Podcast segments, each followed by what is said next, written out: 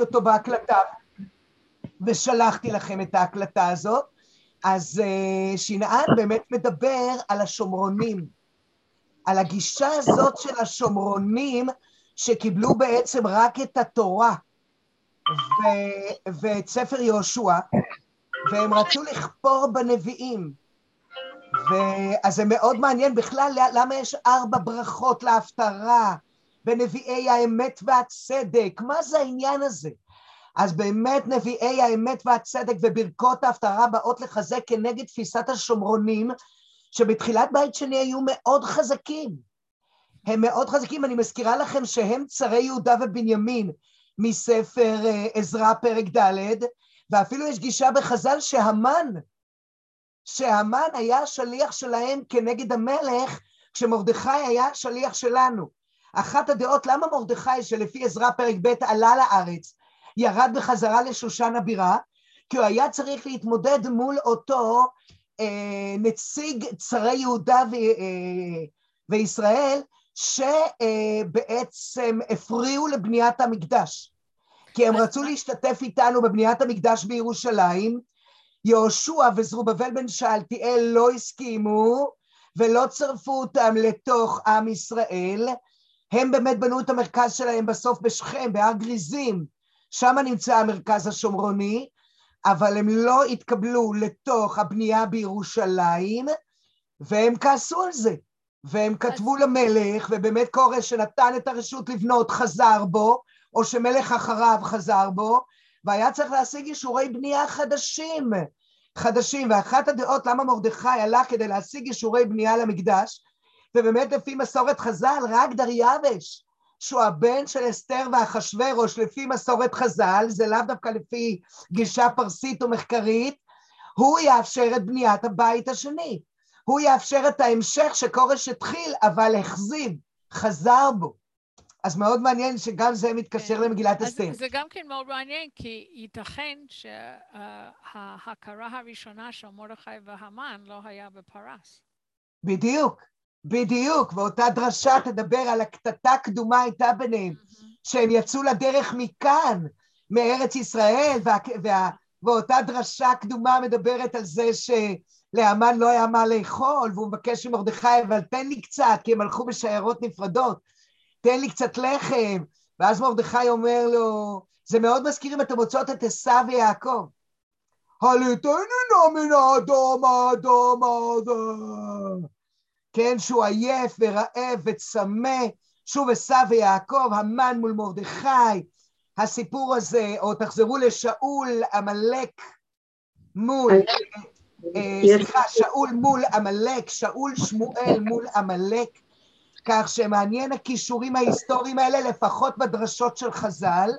מרדכי מסכים לתת לו, אבל רק תמורת זה שהוא באמת יכתוב בנעל בנעל שהוא מתחייב להיות עבד, אה, עבד המרדכי, משהו כזה. עכשיו, זה לא פשוט, אבל זה באמת יושב על מה שיצחק אמר לעשו.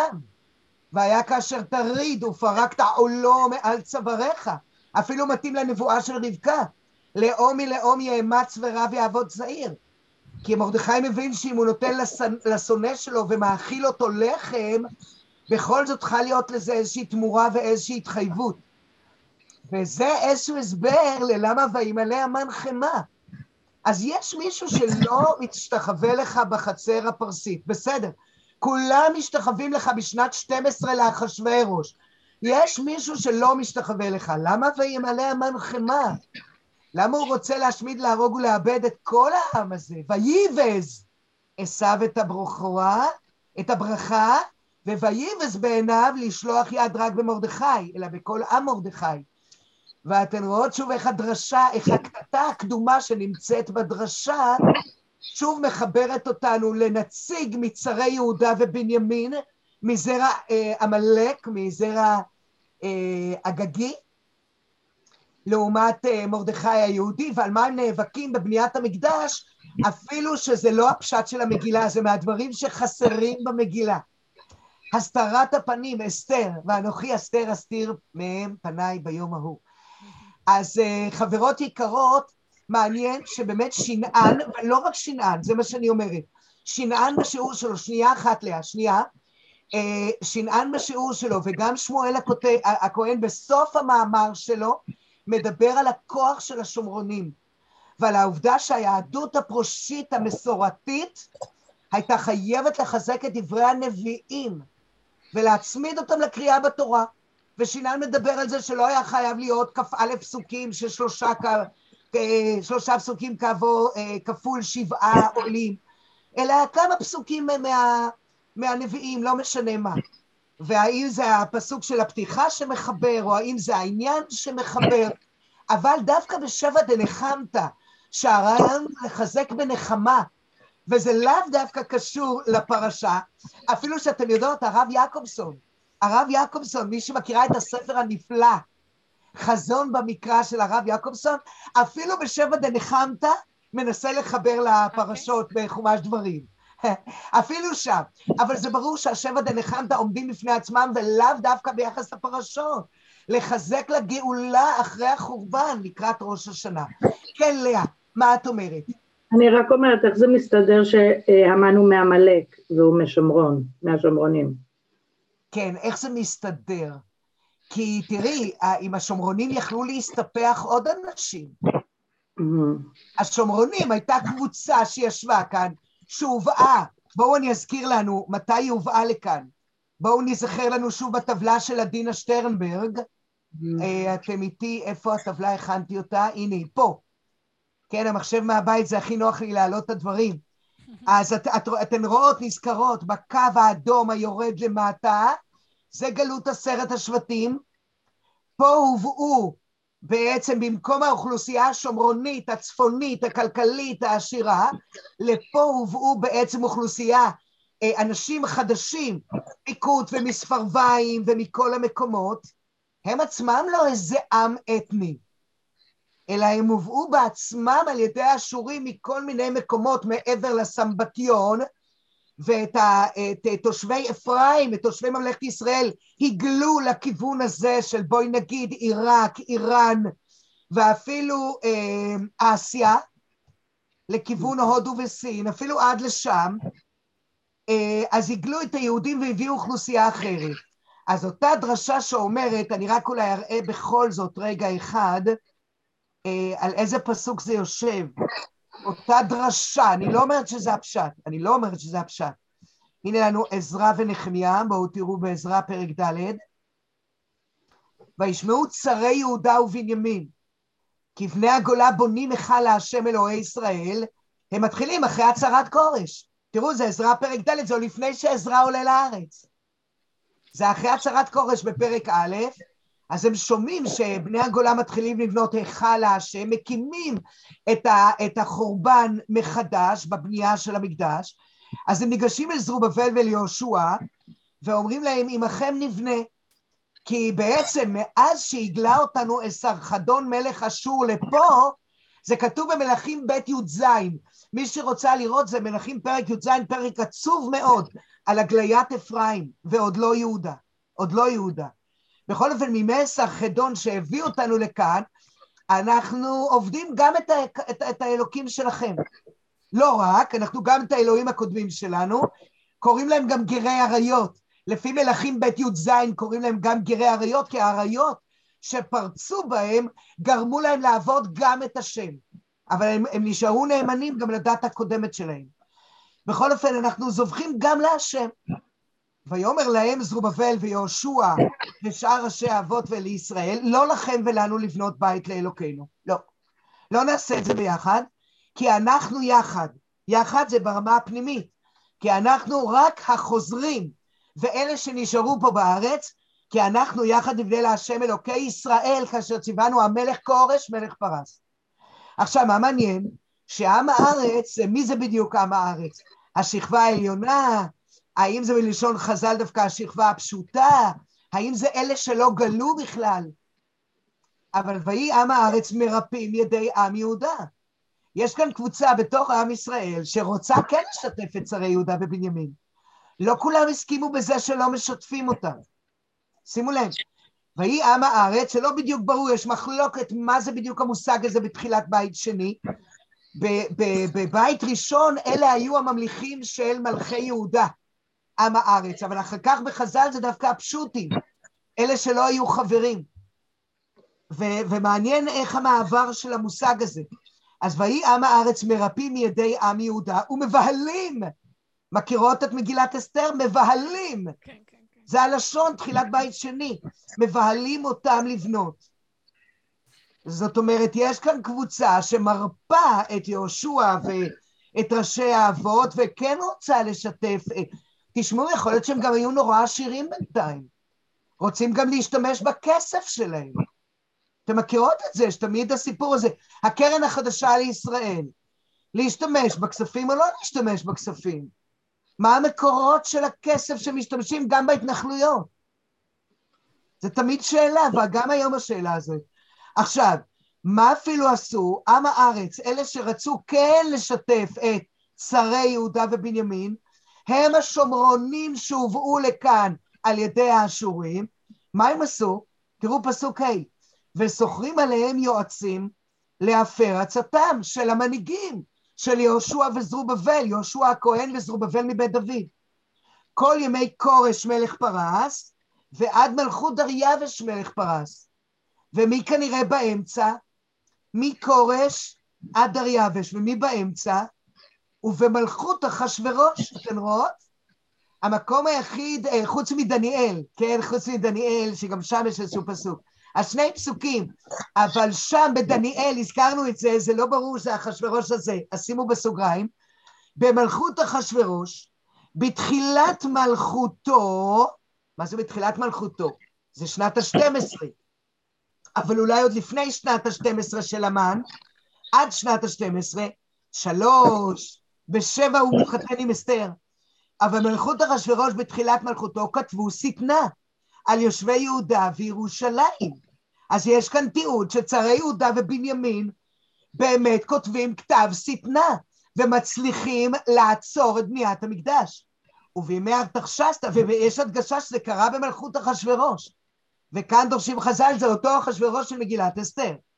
ובימי ארתחשסתא זה עוד מלך, שרש"י אומר עליו זה אותם שמות של כורש, אבל אה, אולי זה גם מלך אחר, ובימי ארתחשסתא כתב בשלם, מטרדה, תבעל, ושאר כנבותיו. אז מי זה כנבותיו?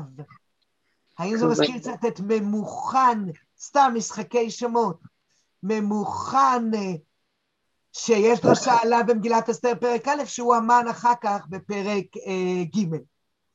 אז מי זה הכנבותיו הזה? בכל אופן עוברים לארמית פה. עוברים לארמית, כי מסתבר שלא רק במלכות אחשוורוש כותבים את השטנה, אלא גם בימי ארתחשסתא, שבפשטות הוא מאוחר יותר. בימי ארתחשסתא עולה עזרא ואחר כך נחמיה, אבל עזבו. קצת דיברנו על זה בחגי זכריה ומלאכי, ועכשיו אה, אני פחות רוצה, אתם יודעות מה? אולי אני אעלה גם את, ה, אה, שתי, את השיקופיות, אה, שיקופיות של הזמנים.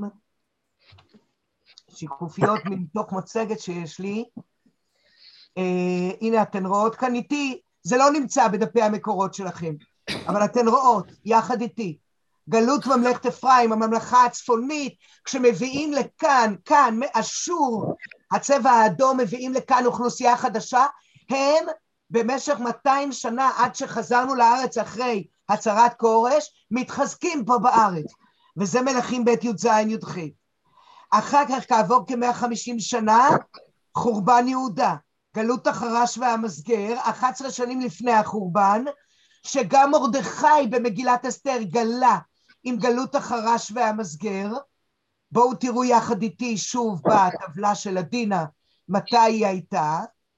אתם רואות? הנה, פה זה הקו האדום, של נפילת ישראל, הממלכה הצפונית, העשירה הכלכלית על ידי אשור, אסר חדון מלך אשור, לא משנה, סנחריב, 150 שנה אחר כך יהודה עצמאית, בית דוד, המקדש, עוד כ-150 שנה, והנה כאן יש שני קווים, כאן יש שני קווים.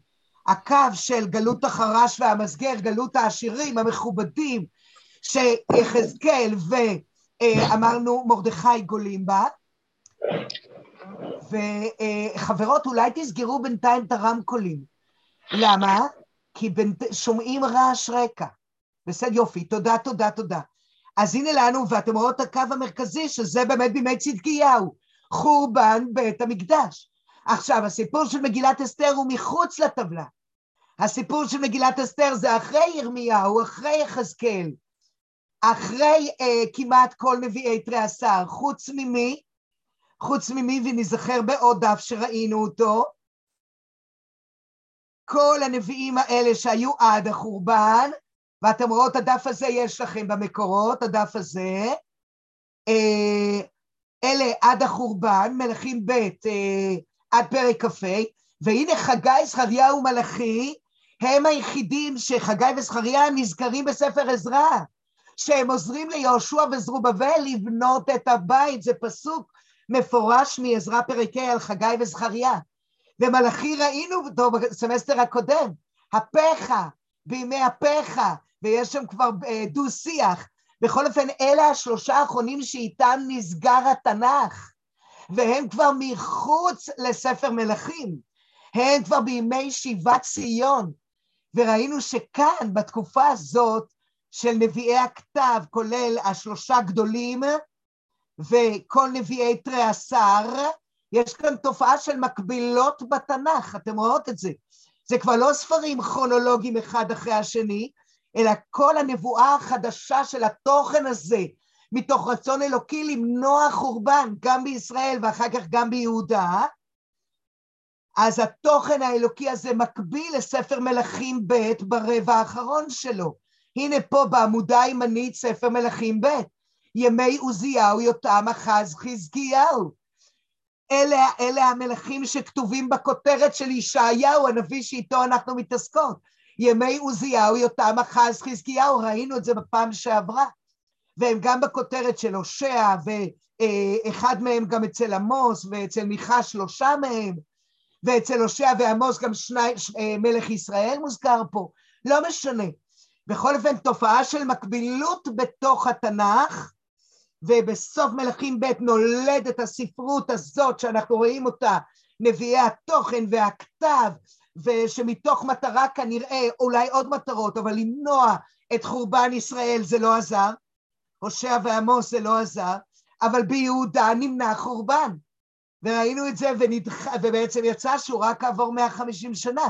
ולמה? כי חזקיהו הקשיב. ראינו את זה אפילו במפגש שלנו, ויכל את פני השם כן, אה, וינחם השם על הרעה, חזקיהו הקשיב, וביטל את החורבן. בכל מקרה, אז אלה הנביאים, והנה פה, במקביל כמעט לחורבן הבית, עם ירמיהו ויחזקאל, אז הבית יחרב בימי צדקיהו. כי לא היה מי שיקשיב.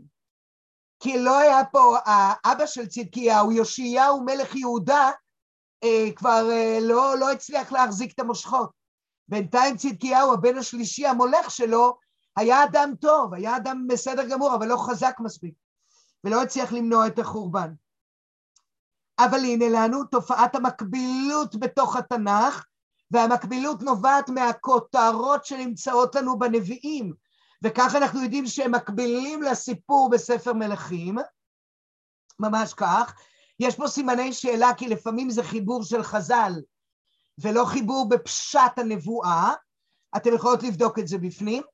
בכל מקרה, אה, אצל חגי וזכריה כתוב, שנת שתיים לדריווש. ושנת שתיים לדריווש, לפי מסורת חז"ל, זה הבן של אסתר ואחשורוש. והוא זה שיאפשר בשנת שש לסיים את הבית. זה כתוב בעזרא פרק ו', פסוק ט"ו. בג' באדר אה, נחנך שם הבית, מעניין. אז זה חגי, זכריה ומלאכי, תופעת המקבילות, אני רוצה, אם אנחנו כבר מזכירים גם את הדבר הזה, אה, עוד דף שאני חושבת שהעליתי לכם אותו, שיש לנו תופעת המקבילות גם בכתובים, תופעת המקבילות בתנ"ך, כי הכתובים שמופיעים אחרי מלאכי, הם לא באים היסטורית אחרי מלאכי, לא להתבלבל. אמרנו את זה, אני רוצה שתראו את זה. אז אנחנו לא ניכנס פה לפירוט איך זה מסודר בבבא בתרא, מול איך הכתובים נמצאים בתנ"ך שלנו היום. הנה תהילים, משלי איוב, והנה חמש מגילות, הנה חמש מגילות, אסתר סוגרת, היא נאבקת על להיכנס לתנ"ך, זה לא מובן מאליו, היא נאבקת על זה, לפי הגמרא במגילה ולפי הפשט של אסתר. ותכתוב אסתר המלכה ומרדכי היהודי, דברי הפורים האלה השנית, ותכתוב אסתר המלכה, כן, זה, זה ממש ספר אסתר, פרק ט', פסוק אה, כ"ט. היא נאבקת על להיכנס לנצח והיא מצליחה, לפי חז"ל. היא עדיין, אנשי כנסת הגדולה מכניסים אותה, והנה לנו 11 ספרי הכתובים. אתם רואות אותם? הסדר בבטרה הוא שונה, לא משנה כרגע, אבל אתן רואות יפה שרגע, רגע, רגע, אז מה, זה אחרי מלאכי? לא. אחרי מלאכי שנפטיר בפרק ג' לפני שבת, בשבת הגדול, לפני פסח, אז זכרו תורת משה עבדי אשר ציוויתי אותו בחורב חוקים ומשפטים, הנה אנוכי שולח לכם. אלה המילים האחרונות של הנבואה בתנ"ך, ושימו לב שכל תהילים משלי איוב תהילים מיוחס לדוד על ידי עשרה זקנים. אז uh, מכתבם, מסתבר שאת, uh, למשל רות, פה אני כתבתי לפי הסדר בבבא בתרא, אז את רות על פי המסורת כתב שמואל, שכתב את ספרו, ושופטים ואת רות, שניים בדרגה נבואית, דבר השם אל האדם, ואחד ברוח הקודש, ואחד ביוזמתו, בדרגה אלוקית גבוהה, אבל לא נבואה, לא נבואה. גם אסתר בפשטות זה לא נבואה. אה, כשאומרים שאסתר אחת משבע נביאות, זה באמת לדחוף אותו פנימה. זה להרחיב את המושג נביאה, אבל בפשטות היא לא נביאה, לנביאה לא אומרים אה, מי יודע אם לעת כזאת הגעת למלכות. וגם לא אומרים לה, אם את לא תעשי את זה, את ובית אביך תאבדו. זה, זה לא, זה, בפשט היא לא נביאה.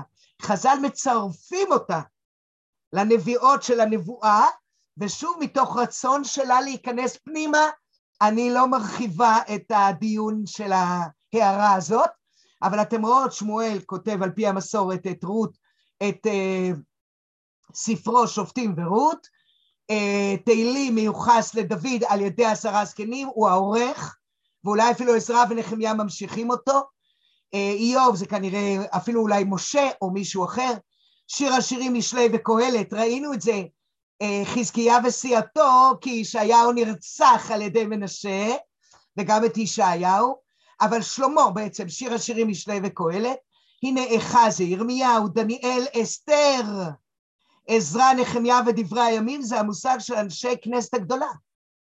שמי בתוכם? מרדכי, עזרא, נחמיה, חגי, זכריהו ומלאכי. הם חלק מהמושג אנשי כנסת הגדולה שהם בעצם בשלטון הפרסי, ואתם מכירות את זה מהמשנה באבות. משה קיבל תורה מסיני, ומסרה ליהושע, יהושע לזקנים, ששמואל הוא חלק מהזקנים, או, או הזקנים זה ימי השופטים, וזקנים לנביאים, ואולי שמואל פותח באמת את הנביאים, ונביאים וכל הנביאים, נתן וגד, הושע, עמוס, מיכה, ירמיהו, יחזקאל, ונביאים מסרוה לאנשי כנסת הגדולה. כשנביאים הם גם חלק מאנשי כנסת הגדולה, כמו שאנחנו רואים, חגי, זכריהו ומלאכי. רש"י אומר את זה מפורשות בבבא בתרא. אז גם הדף הזה חשוב כדי להראות לכם שגם הכתובים בתנ"ך הם בעצם מקבילים אה, לכל התקופה הנבואית.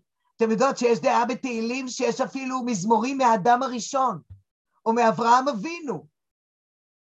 זאת אומרת, יש משהו בתהילים, ולא רק בדברי הימים, שזה מתחיל מאדם, שת, אנוש, קנן, מעללאל, מהשושלות של ספר בראשית, מבריאת העולם, יש משהו בתהילים וגם בדברי הימים, שממש מחזיר אותנו לראשית ההיסטוריה, לראשית התנ"ך, לתולדות של ספר בראש, של בראשית. ולכן יש לנו כאן מקבילות עד לנביא מלאכי. אחרי מלאכי אין תנ"ך. חכם עדיף מנביא. והם מחכים לנבואה שתחזור כן יהי רצון. אז תופעת המקבילות הזו, שאנחנו אה, מתעסקים איתה, אני חוזרת שוב רגע אה, לשקפים שלנו, ל... אז הנה לנו גלות הממלכה הצפונית, ראינו את הקו האדום, כ-130-150 שנה אחר כך, גלות החרש והמסגר, שבה מרדכי, יחזקאל גולים, עוד לא חורבן, כעבור 11 שנים החורבן בימי צדקיהו, זה כתוב גם בירמיהו, גם במלכים, סוף מלכים ב', זהו, כך נגמר ספר מלכים בחורבן. על ידי הבבלים, לא אשורים הבבלים. עוברות פה 70 שנה פחות או יותר, כי השאלה ממתי סופרים, כי פה זה רק 50 שנה, אתם רואות. בין החורבן לבין הצהרת כורש זה רק כ-50 שנה. אז מה זה למלות דבר השם בפי ירמיהו 70 שנה? פעם לינדה שאלה על ה-70 שנה, וזה מופיע לנו בכמה מקורות. אז הנה לנו אה, הצהרת כורש. רגע, אנחנו עוברים לנו לשקופית הבאה. אתן רואות יפה, בשקופית הזאת, מה שיש לנו זה לקוח מללמוד וללמד. הנה המנהיגי, הצהרת כורש, אתם רואות את הצהרת כורש? עליית שש בצר, זה ממש עזרא פרק א'. אתם רואות? זה מה שהטבלה הזאת נותנת. עזרא פרק א', ברור שהמלך הוא כורש. מי המנהיג שלנו? שש בצר. רש"י אומר שהוא השם הלועזי של זרובבל. זה אותו שם. רש"י בכלל מאחד את הדמויות. כמה שאפשר. כמה שאפשר, זו שיטתו הפרשנית. אז מי זה שש בצר? שם מוזכר. כורש שש בצר, הצהרת כורש, מי בכם מכל עמו ויעל, אלוקי ישראל נתן לי. נותן אוטונומיה דתית בירושלים, ולא רק לנו. הוא נותן את זה גם לגויים האחרים, זו התפיסה הפרסית, לתת אוטונומיה דתית. אז זה היה כורש. עכשיו, זרובבל עולה בפרק ב' וגם מרדכי בלשן. וגם מרדכי בלשן מוזכר בעזרה פרק ב', תציצו ותראו. זה בימי כורש. עכשיו, הנה עזרה פרק ג' הקימו שם מזבח, הנה תסתכל עזרה פרק ד', פתחנו, וראינו שיש עיכובים בבנייה, צרי יהודה ובנימין שאולי, אולי, אולי, אולי, המה נציג שלהם לפי אחת הדעות, עיכובים בבנייה עם צרי יהודה ובנימין, ומתי ייבנה המקדש? רק בימי דריווש, בעזרה פרק ו', פסוק ט"ו. ורק אחר כך יש לנו את ארתחשסתא, אתם רואות, אם מחלקים בין המלכים ולא אומרים שזה אותו מלך, ועזרא עולה רק בימי ארתחשסתא, וגם נחמיה עוד עולה אחריו. עליית עזרא, עליית נחמיה, והנה ספר נחמיה. ארתחשסתא. אבל מה שאני רוצה לומר פה, שימו לב, שאותו אחשורוש לא הוזכר כאן. כי קשה מאוד לתארך אותו, ויש עליו מחלוקת, האם באמת הוא נמצא כמו מסורת חז"ל בין כורש לדריווש הזה, וכאן זה אחשוורוש, ומגילת אסתר, זה לא לגמרי ברור, או שאחשוורוש הרבה יותר מאוחר. לפי המחקר הוא הרבה יותר מאוחר. אז יש כאן איזושהי מחלוקת ואין תיעוד מספיק לדבר הזה. אז הנה אתן רואות, ואנחנו ערב פורים, אז אי אפשר להתעלם גם בקורס שלנו מהדבר הזה. פה לקחתי זמנים, וזה מתאים לנו לתחילת בית שני, לישעיהו במחצית השנייה, כן? כי זה הרקע לישעיהו במחצית השנייה שלו. אז אתן רואות שהנה שוב רישיון קורס במינוס 539, מינוס 538, שוב עליית שש בצר באותה שנה, כן, כן, לא, סימן שאלה. את זה כותב זר כבוד בהקדמה בזמנים בספר עזרא בדעת מקרא, משם לקחתי את זה. והנה עליית זרובבל והקמת המזבח, מה שאנחנו אמרנו, אתם רואות שהוא מנסה להציע זמנים לפי, ה, אה, לפי הספירה הנוצרית. הוא מנסה להצמיד כאן שמנ, אה, שנים לפי הספירה הנוצרית, וייסוד ההיכל מינוס 536. אה, ייסוד ההיכל. אבל עוד לא עבר כאן מספיק זמן מהחורבן עד בניית המקדש. חידוש בניית ההיכל שנת שתיים לדריווש, לא משנה כל כך. זאת השנה שחגי וזכריה מתחילים לנבא, תפתחנה ותראנה. זה יש כותרת של זמן בספרים שלהם, שנת שתיים לדריווש, וחנוכת ההיכל, מה שאמרתי, שנת שש לדריווש. אם הוא באמת הבן של אסתר ואחשוורוש, תהיה במינוס 516. ואם תשוו את זה למינוס 586 לחורבן המקדש, זה בול 70 שנה. זה בול 70 שנה. אבל, מה זאת אומרת בול 70 שנה? מגילת אסתר לפי חז"ל נכנסת קודם.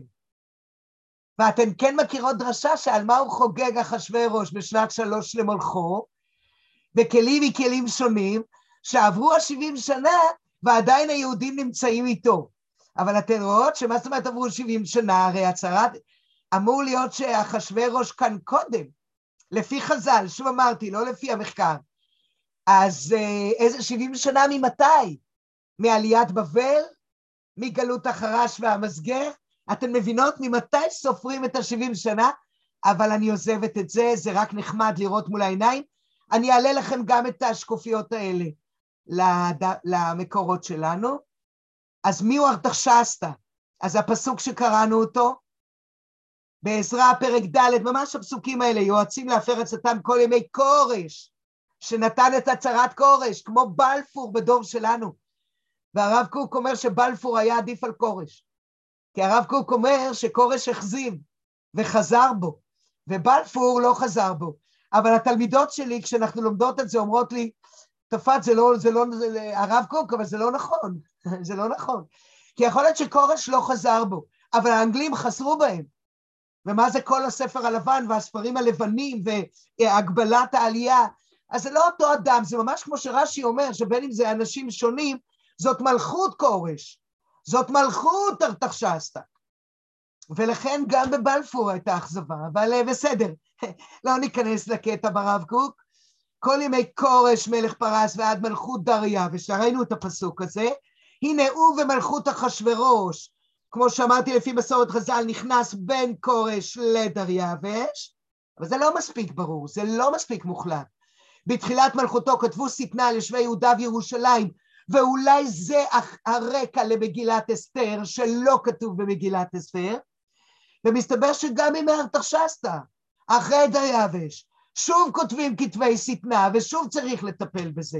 שוב קופץ איזה המן חדש, ותמיד יש איזו אנטישמיות שקופצת בחצר הגלותית. תמיד. שהשם ישמור. הנה הבאתי פה את החשש. עומדים עלינו לכלותנו. בדיוק, בדיוק.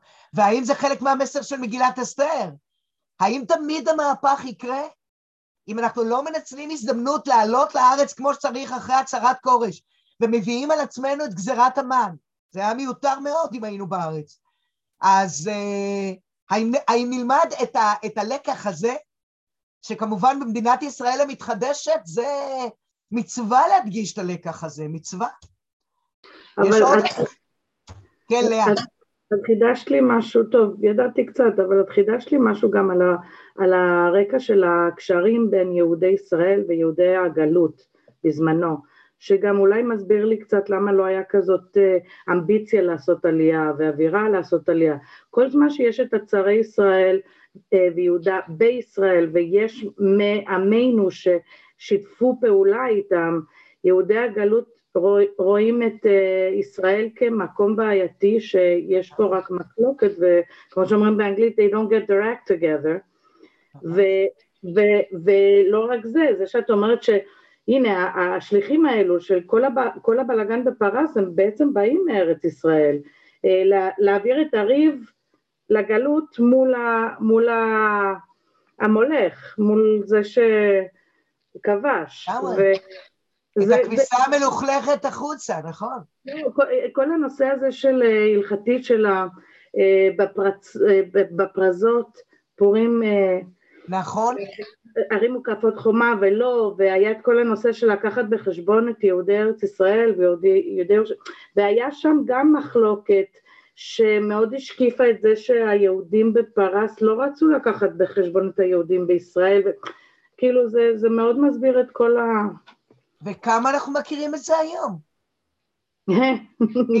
מי כמוך, אתן מכירות את זה עוד יותר טוב ממני. אתם הייתם שם, אתם מכירות על מה מדובר, אני יודעת מה שמועות, יש לי בן שהיה בשליחות באמסטרדם שלוש שנים, אבל וכמה זה חשוב וכמה זה לא פשוט התפוצות ואנחנו. את יודעת מה, לאה? אנחנו קבוצה קטנה, אני אעלה, אני אשלח במייל שלנו גם מאמר נפלא של פרופסור אליצור, על ארבע כתות וארבע מפלגות ערב החורבן. האם בעצם יחזקאל ביסס, והאם בגלות יהויכין נוצרה אלטרנטיבה, אלטרנטיבה למה שקרה בירושלים, ואולי אלטרנטיבה מוצלחת יותר. זה חלק מנבואות יחזקאל, זה צריך ככה להעמיק בזה יותר, אז זה נורא מעניין מה שאמרת. עכשיו תראו, הנה רש"י לעזרת ד' פסוק ז', אתם רואות שהוא אומר? בימי ארתחשסתא הוא כורש, מלך פרס. הוא בשיטה של לזהות את כל המלכים בגווני שמות, ולא לחלק ביניהם. אז האם באמת הם היו שונים זה מזה? האם זו מלכות אחת? כמה שנים היא נמשכה? לפי המחקר 200, 250 שנה. לפי חז"ל רק 52 שנה. יש כאן פער מאוד גדול. אבל הם לא תיעדו את עצמם מספיק, אז לא יודעים עליהם הרבה. כן, מניין אותיות כורש עולה למניין אותיות דריווש, זה המשחק גימטריה של רש"י. הוא כורש, הוא דריווש, הוא ארתחשסתא. אז uh, כל המלכות כולה נקראת ארתחשסתא, אז רציתי שתראו גם את זה.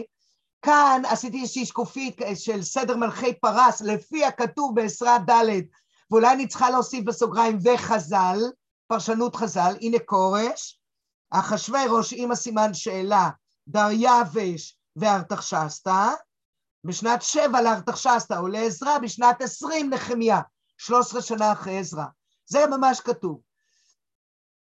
הנה יש לנו פה, אתם רואות את זה, מה שכואב עם נחמיה, שהוא גם חוזר לשושן הבירה אחרי 12 שנים שהוא פה בארץ, אין ברירה. הוא הבטיח למלך, כי הוא היה שר המשקים של המלך, הוא הבטיח שהוא גם חוזר. חלק מהכאב הגדול. חלק מהכאב הגדול, מה עוד הבאתי כאן? כן, אולי זה יפה, אמרנו את זה יותר בקורס של ה... אה, אבל זה אולי ראוי, מה היה בפועל בבית שני? בונים את הבית, נתקעים בבניית הבית, שרי יהודה ובנימין, אבל אמר, אה, חמישה דברים היה המקדש האחרון, השני, חסר מן הראשון, התעסקנו בזה בחגי. אש, ארון, אורים ותומים, שמן המשחה, רוח הקודש. מאיפה לומדים שהיה חסר? מאיפה? איפה הרמז? פסוק מחגי. וארצה בו ואכבדה. אז יש שם פסוק שחסר ההי. ואכבד כתוב, חסר ה', רמז לשיטת רש"י. ה' זה לא רק ה', זה חמישה דברים שהיה מקדש אחרון, ולמה קוראים לזה אחרון? כי זאת הלשון של חגי, גדול יהיה כבוד הבית האחרון מן הראשון, אפילו זה היה השני. אצלנו בעזרת השם יהיה האחרון, אצלנו יהיה השלישי והאחרון, ושיהיה שלום, כמה אנחנו רוצים שלום עולמי, אפילו באוקראינה ורוסיה. אנחנו לא רוצים שימותו, וימותו לשווא, זה, זה משגע הדברים האלה. גדול יהיה כבוד הבית האחרון מן הראשון, ונתתי בבית הזה שלום. שלום זה המבחן שלא היה בבית שני, והתפילה שלנו לבית שלישי לשלום. המקדש האחרון חסר מן הראשון, רואות, זה תלמוד ירושלמי, מסכת תענית, בבבלי יומא ועוד מקורות, זה לא רק. אז אה, יש בעיה בבית שני, כמה שהוא היה יותר שנים אולי, ונמשך, אבל עם צרות, הוא תקוע, וחסרים בו דברים מרכזיים, אש, ארון, אורים ותומים, שמן המשחה, רוח הקודש. אבל אולי כן ראוי להזכיר שוב את הקטע של הכוזרי.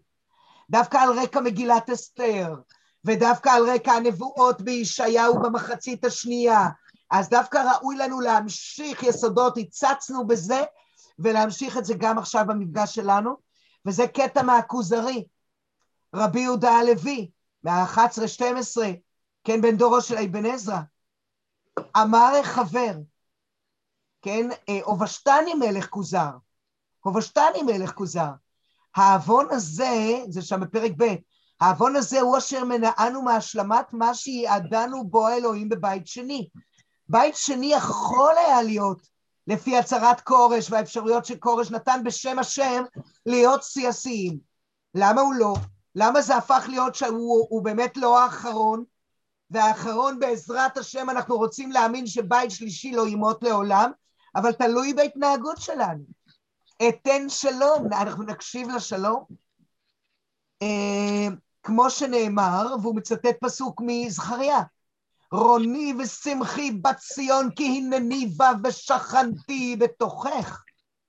זאת הייתה הבטחה בבית שני. זה פסוקים ממש בשנת שתיים לדריווש. כי כבר היה העניין האלוקי מזומן לחול כאשר היה בתחילה. אילו היו מסכימים כולם לשוב בנפש חפצה. אבל, אומר הכוזרי, מזכירה לכם שגם הוא עצמו הרי בגלות, ספרד וגלגולים, כן? אבל שבו מקצתם, וכמובן ארץ כוזר, שבו מקצתם ונשארו רובם וגדוליהם בבבל. ולאה פתאום מבינה שבבבל יש גם ביקורת על צורת היהדות שבארץ. איפה קוראים נישואי תערובת? בבבל או פה דווקא ב... ביושבי הארץ שלא גלו, או באלה שעלו לארץ והם התחתנו עם התושבות אה, אשדודיות, המוניות, מואביות? מי החוטאים? מי החוטאים? אבל שבו מקצתם ונשארו רובם וגדוליהם בבבל.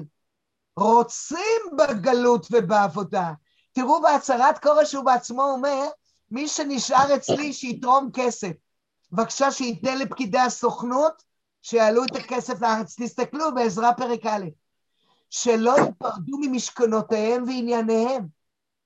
קשה להיפרד מהגלות. ושמא על זה אמר שלמה, אני ישנה וליבי ער בשיר השירים, כי נעה הגלות בשינה. ואתם יודעות, גם הרב סולובייצ'יק, בעקבות כל דודי דופק, בעקבות הכוזרי. כי נעה הגלות בשינה והלב הער, התמדת הנבואה ביניהם. כל דודי דופק, קריאת האלוקים לשוב. שראשי נמלט על, אומרת הראיה. זה על השכינה שיצאה מצללי המקדש. ומה שאמר פשטתי את כותנתי, אה, ראשי נמלט על הדוד אומר, סליחה, הדוד אומר, זה על שכינה שיצאה מצללי המקדש. ומה שאמר, אה, בעצם הראיה, פשטתי את כותנתי, זה על עצלותם לשוב. דודי שלח ידו מן החור, על עזרא, שהיה פוצר בהם, ונחמיה, והנביאים, חגי, זכריה ומלאכי, עד שהודו קצתם לשוב הודאה בלתי גמורה. חברות, במגילת אסתר חסר לנו הפרק הנוסף. היה ונהפוך הוא, יהודים יכלו לעמוד על נפשם ולא להיהרג, אלא שמי שרצה להרוג אותם, אז הם הרגו אותו, ו- וזה הפך להיות יום התענית, וה"ונוח בו", יום ההצלה, הפך להיות לשמחה לדורות, פרוזים או ערים מוקפות חומה. זה עם ישראל.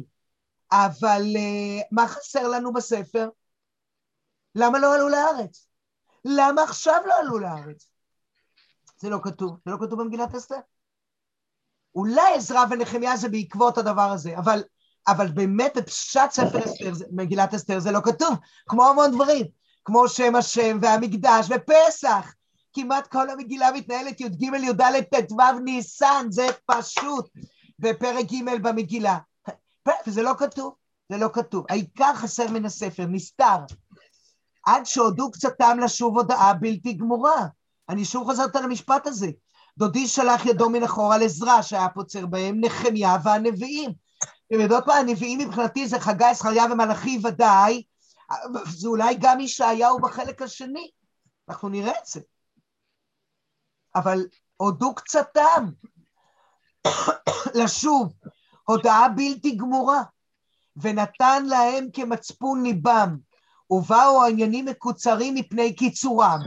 הוא לא מפרט יותר, אבל הוא כן אומר את המשפט הבא: כי העניין האלוקי איננו חל על האיש, אלא כפי הזדמנותו לו. זה כמו השונמית עם האלמנה ושני הבנים, אתם זוכרות? כן. מלכים ב' אה, ד', שזה ההפטרה של פרשת וירא. זה ההפטרה של פרשת אה, וירא של אברהם ושרה עם המלאכים עד עקדת יצחק, אז ההפטרה שם זה האלמנה עם שני הבנים ואחר כך השונמית, מלכים ב' ד'. אז לפי מה יש לה שמן בחדר, שמן של נס? הייתה אומרת הרבנית דינה, אה, דינה הרשקוביץ, כן, השם ייקום דמה, הכל לפי הכלים המזומנים מלמטה, זה הכוזרי, תסתכלו, זה הכוזרי. הורוביץ. הורוביץ, זהו. תודה, תודה לינדה. אני הרגשתי שאני אומרת לא נכון. הורוביץ, הרבנית דינה הורוביץ, הרבנית אה, דינה ואלי הורוביץ שנרצחו בליל שבת בביתם בסעודת שבת, שהשם ישמור, אבל אה, זהו, תודה רבה, הורוביץ. היא תמיד הייתה מדגישה את זה, אתם רואות? זה הכוזרי.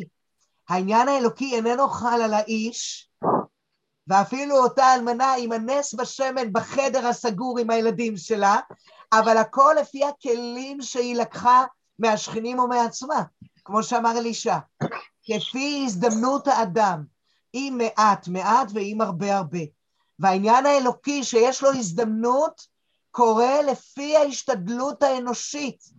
אי אפשר לצפות שרק הקדוש ברוך הוא יעשה.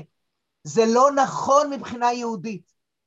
ואילו היינו מזדמנים לקראת אלוהי אבותינו בלב שלם ובנפש חפצה, היינו פוגעים ממנו, פוגעים ממנו במובן ויפגע יעקב.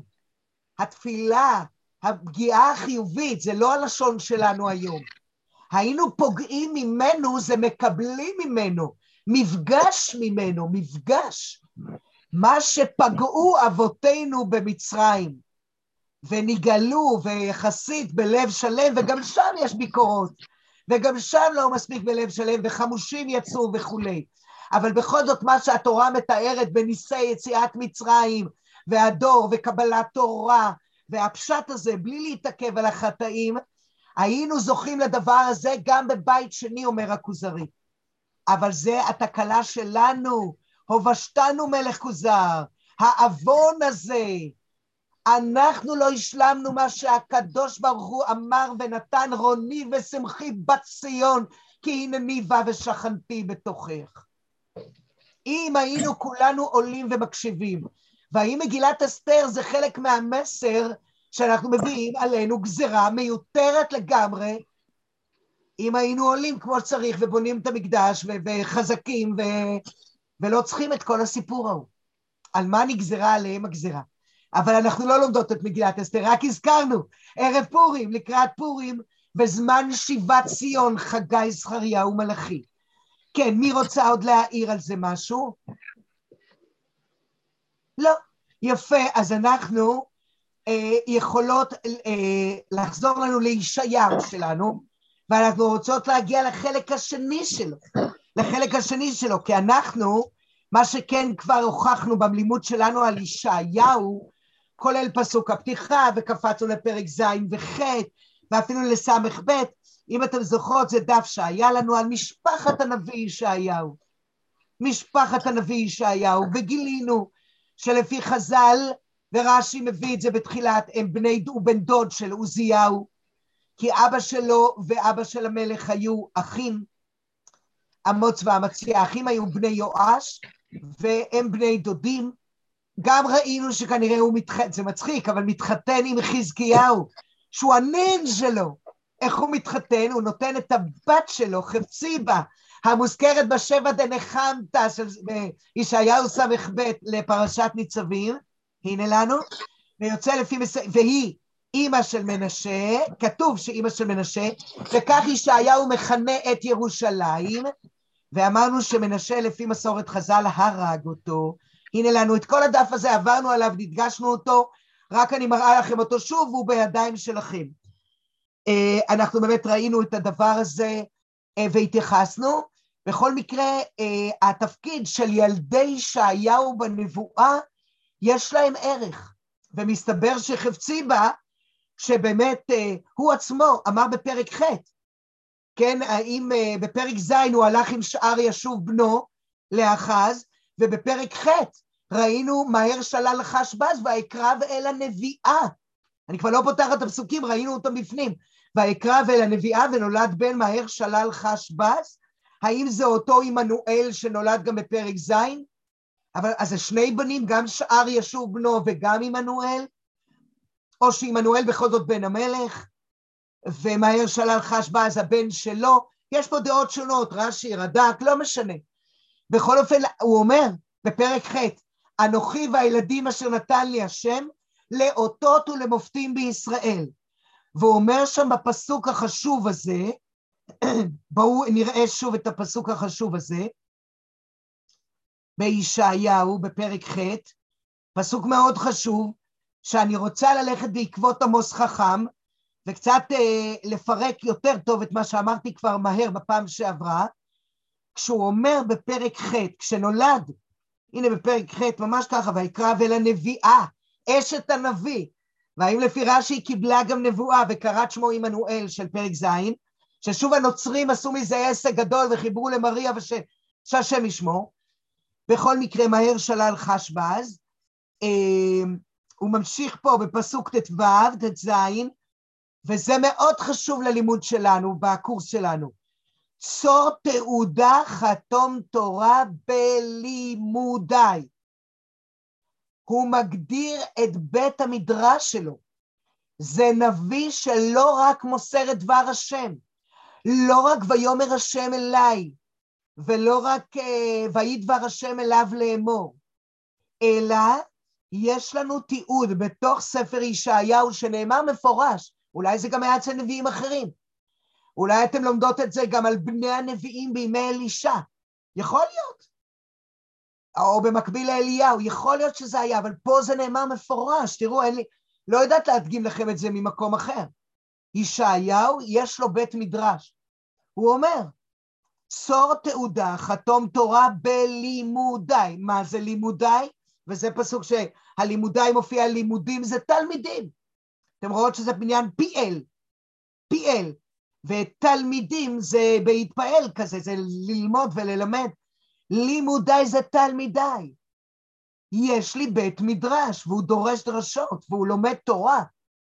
וחיכיתי להשם המסתיר פניו מבית יעקב, וקיוויתי לו. ודיברנו על זה שיש הסתרת פנים באמצע ימי הבית, לא רק במגילת אסתר בגלות ששם השם לא נזכר שם, ביקורת על הדמויות שפועלות שם, אלא, או על התקופה או על הדור, אלא אתם רואות שיש הגדרת אסתר פנים, ואנוכי אסתר אסתיר פניי מהם ביום ההוא. לא רק בזמן שיבת ציון במגילת אסתר, בגלות, אה, או באוקראינה עכשיו ליהודים שלא שמעו בזמן לבוא לארץ, דרך אגב, גם היום, אני לא רוצה לשפוט אף אחד, אבל לפני שבועיים שלושה אמרו לכל היהודים באוקראינה, בואו. אז, אז, אז אני בעיניים הפשוטות, הטרוטות שלי, שואל את עצמי, למה לא באו? אבל ש, שאסור לשפוט, אס, אסור, אף פעם לא יודעים מה השיקולים של אנשים. אבל תראו, זה כמה כמה מכל הזוויות. בתוך ישעיהו, באמצע ימי הבית, בפרק ח', וחיכיתי להשם המסתיר פניו מבית יעקב. יש הסתר פנים גם בתוך, לפני החורבן וגם אה, באמצע ימי הבית, וקיוויתי לו. למרות הסתרת הפנים, אני לא פונה לעבודה זרה, ולא לאלטרנטיבות, אלא אני מקווה להשם ואני מתפלל, הוא מעיד על עצמו. והוא אומר יותר מזה, מה אמור לחזק גם אחרים? הנה אנוכי והילדים אשר נתן לי השם, המשפחה שלי, לא רק התלמידים, לאותות ולמופתים בישראל מים השם צבאות השוכן בהר ציון. זה היה הבסיס שלנו לדבר באמת על שאר ישוב בפרק ז', אולי גם עמנואל, בוודאי מהר שלל חשבז של הפרק הזה, ושוב, מה משמעות השם עמנואל? מזכירה לכם, מה, מה משמעות השם של התינוק הזה שנולד בפרק ז'? מה המשמעות שלו? כתוב בפרק ח'. הנה וחלף ביהודה ושטף ועבר הצוואר, המסע האשורי, והיה מוטות כנפיו מלוא רוחב ארצך עמנואל. מה זה עמנואל? הנה. הוצאו עצה ותעופה, דבו דבר ולא יעקב, הוצאו עצה ותעופה. זה עמנואל, זה להתחזק בהשם, זה וקיוויתי לו. את, אתם רואים, הפסוקים מפרשים פה זה את זה. עכשיו, כמו מי לא, זה לא ניסוח טוב בעברית, אבל ישעיהו בוחר להתנהג אחרת ממי, גם את זה ראינו, בפרק י' אני קופצת, כשמסתבר שלאשור יש מקום אלוקי. הוי אשור שבט אפי ומטהו בידם זעמי, פרק י' פסוק ה'. והוא השליח של השם להעניש את עם ישראל, בגוי חנף אשלחנו, ועלה מברתי עצבנו, לשלול שלל ולבוז בז. הנה משמעות של מהר שלל חש בז. אבל הוא אכזרי, האשור הזה הוא כמו שהמן יהיה, להשמיד בלבבו, להחריד גויים לא מעט. יש לו תפקיד אלוקי לאשור הזה, יש תפקיד לגויים, גם למצרים בזמנו בשעבוד עם ישראל, ברית בין הבתרים, אבל הם חטאו הרבה יותר, כמו שזכריה אמר. אני קצבתי מעט והם עזרו לרעה, פסוק בזכריה, וכך מפרש הרמב"ן, מצרים הגזימו ואשור הגזימו. אשור הוא לא חן ידמה, הוא לא חושב שהוא שליח השם. אלא להשמיד בלבבו, ממש יסוד להיטלר, להחריד גויים לא מעט. והמן, להשמיד, להרוג ולאבד טף ונשים ביום אחד. אבל שוב, אלה עמים שונים.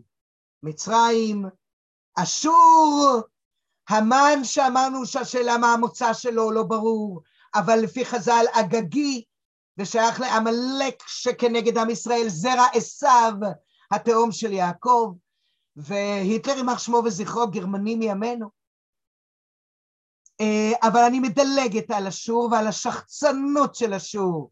ההתפאר הגרזן על החוצב בו, אם יתגדל המסור על מניפו, ולכן השם יעניש את אשור. ישלח האדון השם צבאות במשמוניו רזון.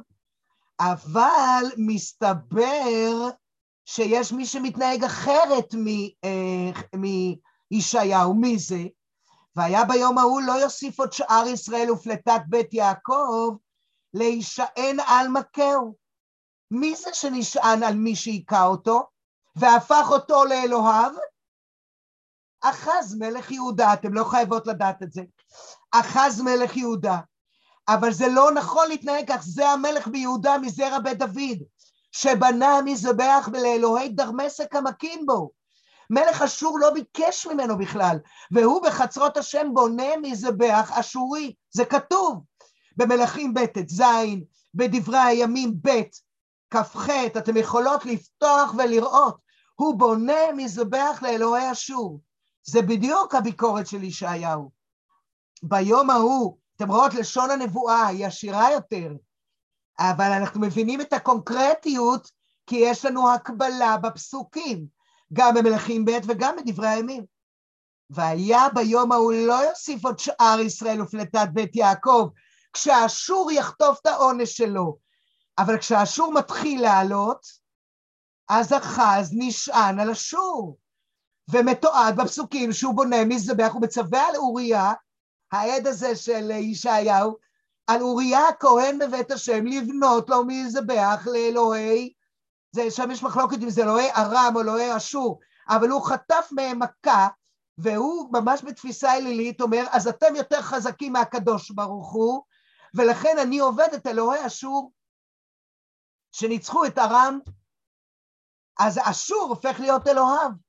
בא הנביא ואומר, ביום ההוא כשאשור יחטפו את הבומבה ויגמרו את התפקיד שלהם בעולם, ואיפה אשור היום? כן, תחשבו על uh, איגרת הרמב"ם.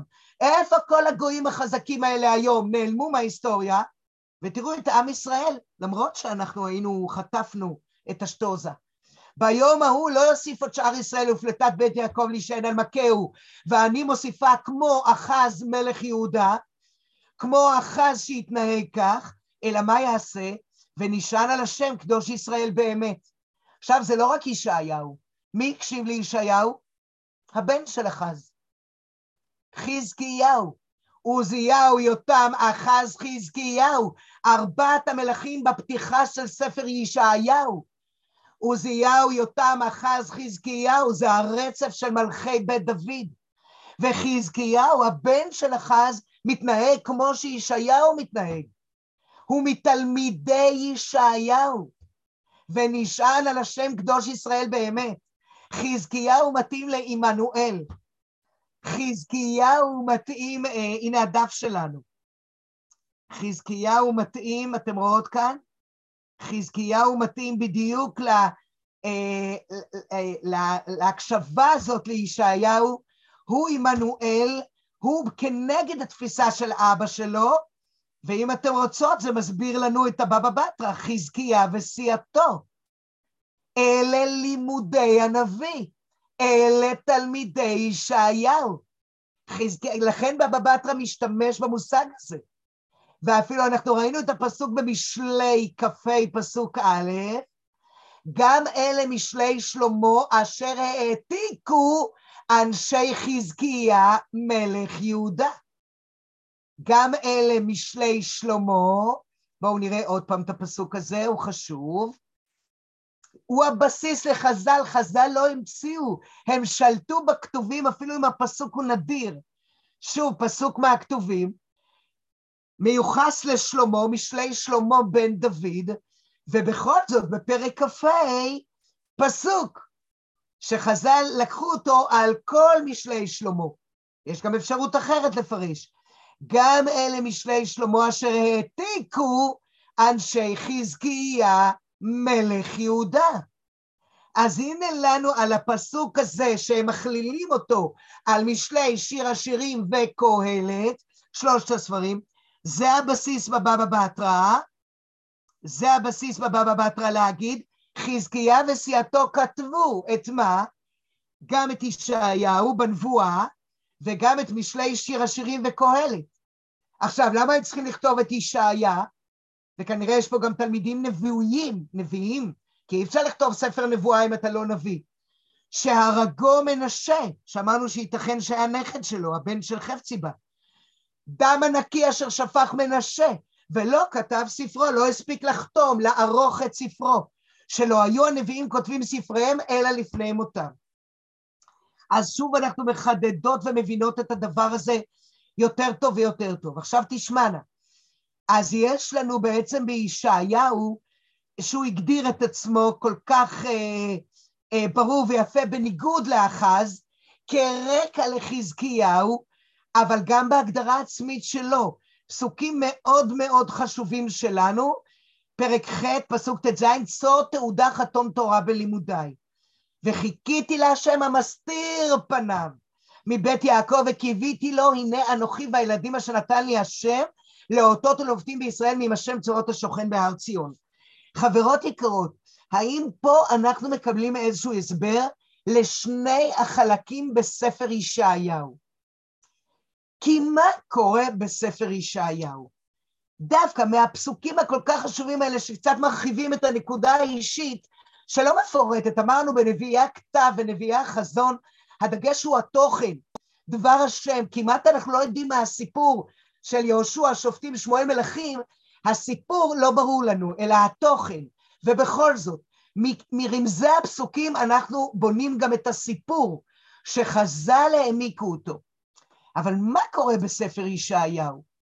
מצד אחד, בסדר, בימי עוזיהו, יותם, אחז, חזקיהו. הנה לנו, ימי עוזיהו, יותם, אחז, חזקיהו. אתם רואות איתי בטבלה.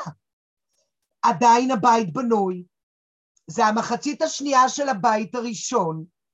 נכון שגלות עשרת השבטים קרתה בישראל, באפרים, זה מאוד עצוב, בשנת שש לחזקיהו, אבל יהודה נשארה עצמאית עוד מאה, מאה שלושים, מאה חמישים שנה. אז ישעיהו כתוב שהוא ניבא בימי עוזיהו, יותם, אחז, חזקיהו, מלכי יהודה. ובאמת, ובאמת, אם אנחנו פותחות לנו בישעיהו, לא רק בפסוק הראשון, ולא רק בפרק ז' על ימי אחז, ראינו ימי אחז, או בפרק, אה, אה, פה נמצא לנו ימי אחז, איפה יש לנו את חזקיהו, בואו תראו למשל את חזקיהו, כולכם מכירות ה... לא, לא, אני רוצה פרק י"א. אה, הפטרת יום העצמאות. מתחיל פסוק קודם שם, לא משנה, עוד היום בנוב לעמוד, ויצא חוטר מגזע ישי ונצר משורשיו יפרה, ונחה עליו רוח השם, רוח חוכמה, בינה, עצה, גבורה, דעת ויראת השם. שוב, נבואה מאוד טובה, ועריכו ביראת השם, מתאים למלך משיח. זה קודם כל חזקיהו. הוא לא כתוב פה בשמו, אבל קודם כל המלך חזקיהו. ואתם רוצות לראות את חזקיהו בשמו? תראו את חזקיהו בשמו. הנה אתם רואות, אני מדלגת על הפסוקים. אני מדלגת, והנה קפצתי לפרק ל"ו. ויהי ב-14 שנה למלך חזקיהו. אתן רואות? זה, זה ממש פסוק מקביל למלכים. אז יש פה סדרת נבואות שאני לא מפרטת אותה, כי זה לא הלימוד שלנו עכשיו. פעם היה לי קורס במתן על המחצית הראשונה של ישעיהו, עכשיו זה השלמה של הדבר הזה, אבל גם נגענו בדוגמאות של פרקים, לא את כולם, לא, לא הספקנו. בכל מקרה, בפר, אתם רואות? בפרק ל"ו, וזה נמשך לל"ז, ל"ח, ל"ט, עד ל"ט, 14 שנה למלך חזקיהו, גם הסגנון פה משתנה. אה, זה ממש מזכיר את ספר מלכים, עלה סנחריב, מלך אשור. אז אחרי גלות עשרת השבטים, יש מצור סנחריב על ירושלים. ו- ומה הוא אומר? ממש סיפור מקביל לספר מלכים, ובואו תראו יחד איתי בפרק ל"ט. בעת ההיא מנחה אל חזקיהו, שהוא שמע שהוא חלה, אבל הוא גם יצא מהמחלה שלו. שחז"ל דרשו איך הוא יצא מהמחלה, שהוא אמר, ל... הוא התפלל להשם, זה הפשט, הוא התפלל להשם, והוא גם אמר לישעיהו, תן לי את הבת שלך. כי אני ראה, ראה ברוח קודשו שעתיד לצאת ממנו רשע, השבר המשקה, אז הוא עתיד ברוח קודשו, ולכן הוא אמר, תן לי את הבת שלך, הוא השתדל לעשות ככל יכולתו למנוע את הפורענות. אבל זה לא עזר, מנשק, בכל זאת הוא הבן שלו. אבל בכל מקרה הוא חלה ונוספו לו עוד 15 שנה. אז אה, מלך בבל שולח לו, וואו, איזה יופי, איזה כיף. וחזקיהו, אז אתם רואות, גם בלי שאני אפרט כאן מה קורה בפרק ל"ט, אבל מל"ו עד ל"ט, כולל התפילה שלו בפרק ל"ח, מה הוא התפלל אל השם, מה שכל כך חסר במגילת אסתר, מה אסתר התפללה? אה, למנצח על איילת השחר מזמור לדוד, אבל חז"ל משלימים את מזמור כ"ב. במגילת אסתר אין תפילה, למה? בכל אופן, פה יש תפילה. פה זה נבואה, ספר נבואי, ויש תפילה. הוא מתפלל להשם ויש את פירוט התפילה שלו. משהו מאוד יפה, זה חסר במלכים, לא משנה. חברות, עד פרק ל"ט זה חזקיהו. זה מתחיל שם אצל עוזיהו, אה, יותם לא מוזכר, אבל אחז, ראינו אותו בזין ח', הוא גם מת בפרק י"ד, כתוב שהוא מת, וחזקיהו מלווה פה את רוב הפרקים. פוטנציאל חזקיהו, מי ויצא חוטר מגזע ישי ונצר משורשיו יפרה. אפילו מאיזשהו תינוק, אולי זה אפילו עמנואל שם מפרק ז'. כמה פרקי חזקיהו, איך יגידו חז"ל בסנהדרין צדי"ד? ביקש השם לעשות חזקיהו משיח, וסנחריב גוג ומגוג.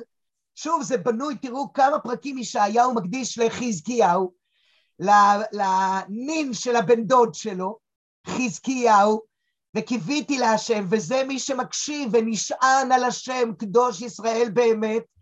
ראינו בירמיהו שמתועד ויכל את השם, וירא את השם, וינחם השם על הרעה, חזקיהו. בכל אופן, כאן מסתבר שאיזשהו סיפור על חזקיהו בתוך ישעיהו, ומפרק מ' קורה משהו חדש. תסתכלו. מה קורה מפרק מ', שזה הראשון בשבע דנחמת, מפרק מ' בישעיהו, זה לא הרצף שדילגתי עליו עד פרק ל"ט, אלא יש פה פחות או יותר, בואו נגיד אה, כמעט 40 אה, פרקים, מתוך 66, כמעט חצי, בין שני שליש לחצי, נקרא לזה חצי, יש את המחצית הראשונה עד ל"ט, עוזיהו, יותם, אחז, חזקיהו, קשור לסנחריב, קשור למה שהיה, ומפרק מ' תסתכלו מה קורה. מה זה נחמו נחמו עמי יאמר אלוקיכם? דברו על לב ירושלים וקראו אליה כי מלאה צבאה, כי נרצה עוונה, כי לקחה מיד השם כפליים בכל חטאותיה. מה זה? ואנחנו לא קוראים עוד עכשיו את כל ההפטרה. מה זה נחמו? מה זה, מתי לקחה כפליים בכל חטאותיה? הרי אנחנו יודעים שבמצור סנחריב ניצלנו. הרי בבל שלחו להגיד לחזקיהו, וואו, כל הכבוד שנרפאת, ובעצם עם כל הכבוד שאתה היחיד שעמדת מול אשור, אתה היחיד שלא נפלת מול אשור, ירושלים ניצלה, לא רק שאתה נרפאת. אז בבל כבר מתחילים לשלוח לו שליחים. אז מתי זה כי לקחה מיד השם כפליים בכל חטאותיה? מתי? מתי זה היה? אז זה הפתיחה של פרק מ', נחמו נחמו עמי, יאמר אלוקיכם. איך זה קשור לל"ט? איך זה קשור לסיפור של אה, שליחי מלך בבל ו- ו- ומה שהנביא אמר לו שם? או למשל, בואו תראו איתי, ב- אני קופצת כאן לנ"ח, נ"ח. אה, לא, לא, לא נ"ח, סליחה, מ"ח. מה זה? פסוק כ', מה זה צאו מבבל בירכו מכסדים? מה ראינו בפרק י'? על מי הנביא דיבר ואמר ההתפאר הגרזן על החוצב בו, ההתפאר המסור על מניפו? מי היה שם? אני חוזרת לטבלה, בימי עוזיהו, יותם, אחז, חזקיהו. על מי דיבר ישעיהו בפרק י'? על אשור, על, על, אה, על בין אם זה תגלת פילסר, או שלמנסר, או סרגון, או סנחריב. אבל הוא דיבר על הוי אשור שבט אפי ומעטהו בידם זעמי, כי זה הרקע, אשור, זה במקביל לגלות עשרת השבטים שקרתה בישראל ובזכות חזקיהו, לא קרתה ביהודה, הוא הקשיב. לא רק אמרנו, לא רק אנשי ננבה הקשיבו ליונה, חזקיה מקשיב לישעיהו, תלמידי ישעיהו. אז על מה מדבר פה הנביא ישעיהו? מה זה צאו מבבל בירכו מכסדים? מה, ישעיהו מדבר על בבל? הרי אשור עלתה, הרי אשור בשיא שלה, מה פתאום אתה מדבר על בבל? ולמי אתה פונה? לעם ישראל. צאו מבבל בירכו מכסדים בקול רינה, הגידו, השמיעו זאת, הוציאוה, גאל השם עבדו יעקב. ולא צמו בחורבות, הוליכה מים מצור הזיל למו ויבקע צור ויעזור מים, כי אין שלום אמר השם לרשעים. מה זה? מה זה צור מבבל בירכו מכסדים? אתם מבינות, וזה רק שתי דוגמאות, גם מפרק מ', הפתיחה של פרק מ', לא מוזכר חזקיהו, לא מוזכר שום מלך מבית דוד. העם נחמו נחמו עמי יאמר אלוקיכם, דברו על לב ירושלים, תנחמו אותה, וקראו אליה כי מלאה צבאה, כי נרצה עוונה, כי מיד, כי לקחה מיד השם כפליים בכל חטאותיה, ובפרק מ"ח צאו מבבל בירכו מכסדים. אם אתם רוצות שאני לא אקפוץ כל כך הרבה, אז בפרק מ"א, למי אתה אומר אל תירא כי עמך אני? למי? לחזקיהו? במצור סנחריב? אולי. אבל, אבל למי אתה אומר את זה? אולי זה נבואה לעתיד אחרי 70 שנה. יפה, יפה. אנחנו צריכים לבחון את מה שאת מציעה. רגע, רגע, לינדה. עוד מילה אחת אני רוצה. פרק מ"ב. פרק מ"ב חשוב, אה, תסתכל לה. אה, הוא מדבר ככה. אה, מי עיוור, הוא אומר בפרק מ"ב, לא במ"ם. כי אם עבדי. וחירש כמלאכי אשלח, מי עיוור כמשולם ועיוור כעבד השם. לא משנה, יש פה כנראה דו-שיח. העם רוצה להגיד שעבד השם הוא עיוור, ששליח השם הוא, הוא, הוא לא מבין עניין. למה? למה? השם חפץ למען צדקו ויג... ו... אה, ויגדיל תורה ויאדיר. אבל הנביא עצמו אומר, והוא עם בזוז ושסוי, והפך בחורים כולם, כנראה זה לא בחורים, אלא אחורים. בבתי קלעים הוחבאו והיו לבז ואין מציל, משיסה ואין אומר השב. אתם רואות שהפסוק הזה מצטט מציאות מאוד קשה של העם. מתי? זה לא ימי חזקיהו. זה לא ימי הבית. זה לא ימי הבית. מה? למה אין אפשרות שהוא במקביל, הוא מנבא גם ליהודה וגם לישראל? כאילו, ב- בישראל אין אף אחד. הוא מנבא כאילו להסביר. יש, בישראל יש. יש לנו בישראל את הושע ואת עמוס. אבל עדיין את אומרת, אולי זה מיועד לי. למה זה לא מסתדר? למה זה לא מסתדר? כי הוא ידבר על... אה, טוב, יש כאן עבד השם, אנחנו נגיע לזה, אל תדאגו, כי את זה אנחנו נפרט בלימוד שלנו. אני רק אה, רציתי להראות לכם פה עד כמה הוא בקורס הכנה ללידה, ישעיהו. אה, המשפחה שלו, אשתו, תסתכלו, החשיתי מעולם החריש את הפק היולדה. אפעה, אשום ואשאף יחד. הדימוי שלו לגאולה בדבר השם זה יולדת. ישעיהו רגיש לאשתו. את זה למדתי מפרופסור פאול בזמנו באוניברסיטה, ואהבתי את זה. להגיד דבר בשם אומרו, ואתה אומר סתר למלך בשם מרדכי, כל האומר דבר בשם אומרו מביא גאולה לעולם. אז uh, פרופסור פאול בזמנו אמר, הנה, ישעיהו בקורס הכנה ללידה ואשתו, הנביאה, ויקרא אל הנביאה, משהו מאוד מיוחד, מאוד מיוחד.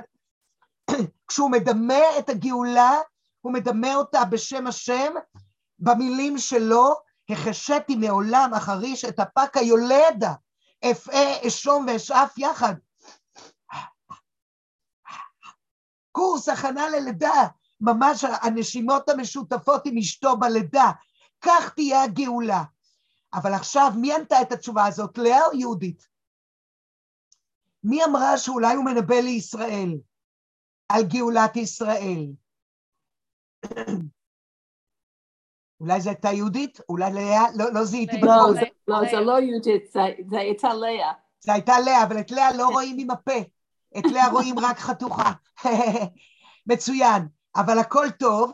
תסתכלנה, חברות יקרות, שפרק מ"ב, לא, אה, פרק מ', שפותח את היחידה הזאת, ואני עוד אוכיח שהוא קשור זה בזה, הוא לא מדבר על ישראל. דברו על לב ירושלים וקראו אליה, כי מלאה צבאה, כי נרצה הבנה, כי לקחה מיד השם כפליים בכל חטאותיה. תראי, לאה, אולי מילה אחרונה כי אנחנו ממש נפרדות. יש לו נבואה לישראל. במקביל, רגע לפני חורבנה והגלות שלה. זה די נדיר, אבל יש לו. באותו פרק ט', בישעיהו בפרק ט', בחלק ההוא, כשנולד עוד תינוק, או שזה עמנואל עצמו, כי יל... אבל זה בן המלך בטוח. ילד יולד לנו, בן ניתן לנו, ותהיה משרה על שכמו. פלא יועץ אל, אביעצר שלום, על כיסא דוד ועל ממלכתו, להכין אותה ולסעדה במשפט ובצדקה מעתה ועד עולם. ישעיהו בפרק ט', צמוד לזין ולח'. אז יש לנו עוד תינוק. אז האם זה עמנואל, האם זה תינוק שלישי? תינוקות, בזמן של הסתר פנים, תינוקות נותנים כוח, נותנים אותות ומופתים בישראל. אנוכי והילדים אשר נתן לי השם לאותות ולמופתים בישראל. תקווה, תינוק זה תקווה, אבל פה זה תינוק של כיסא בית דוד. אז תראי שבהמשך הפרק הזה, העם לא שב עד מכהו אה, ואת השם צבאות לא דרשו, ויחרה את השם מישראל, ראש וזנב כיפה והגמון יום אחד, זה המכות האש- האשוריות.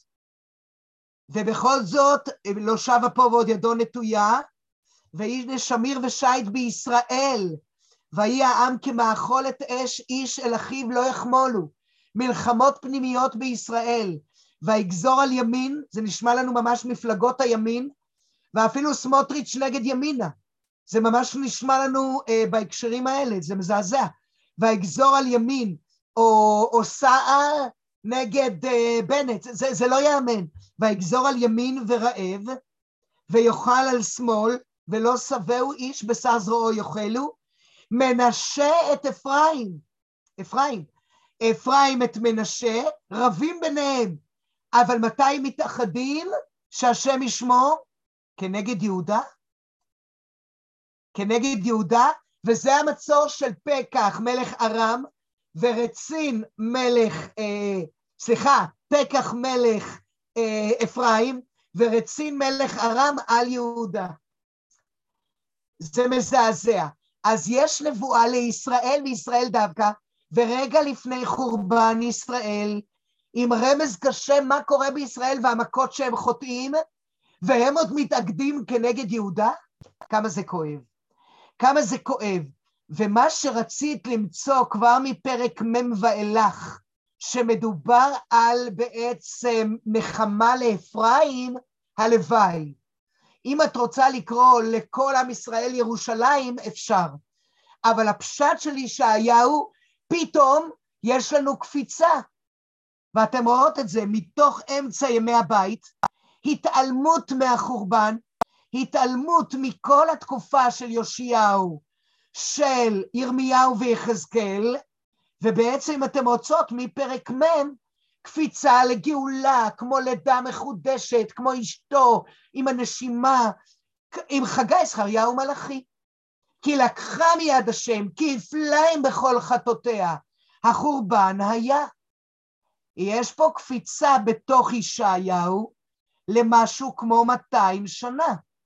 התעלמות אחרי הנבואה שעסקה בחזקיהו, ובהצלה שלו במלחמה, וההצלה שלו מסנחריב, והתפילה שלו, והימים שהיו כמו שהוא, עם נבואות שהוקדשו לחזקיהו, בניגוד לאבא שלו וכמה שהוא בסדר, אבל כנראה גם עם ביקורות. הנה, אלה הימים, עוזיהו, יותם, אחז, חזקיהו, ואנחנו רואים מהפשט של כמה פסוקים, מ', מ"ח, מ"ב, צאו מבבל, בירכו מכסדים, זו, זה גלות בבל.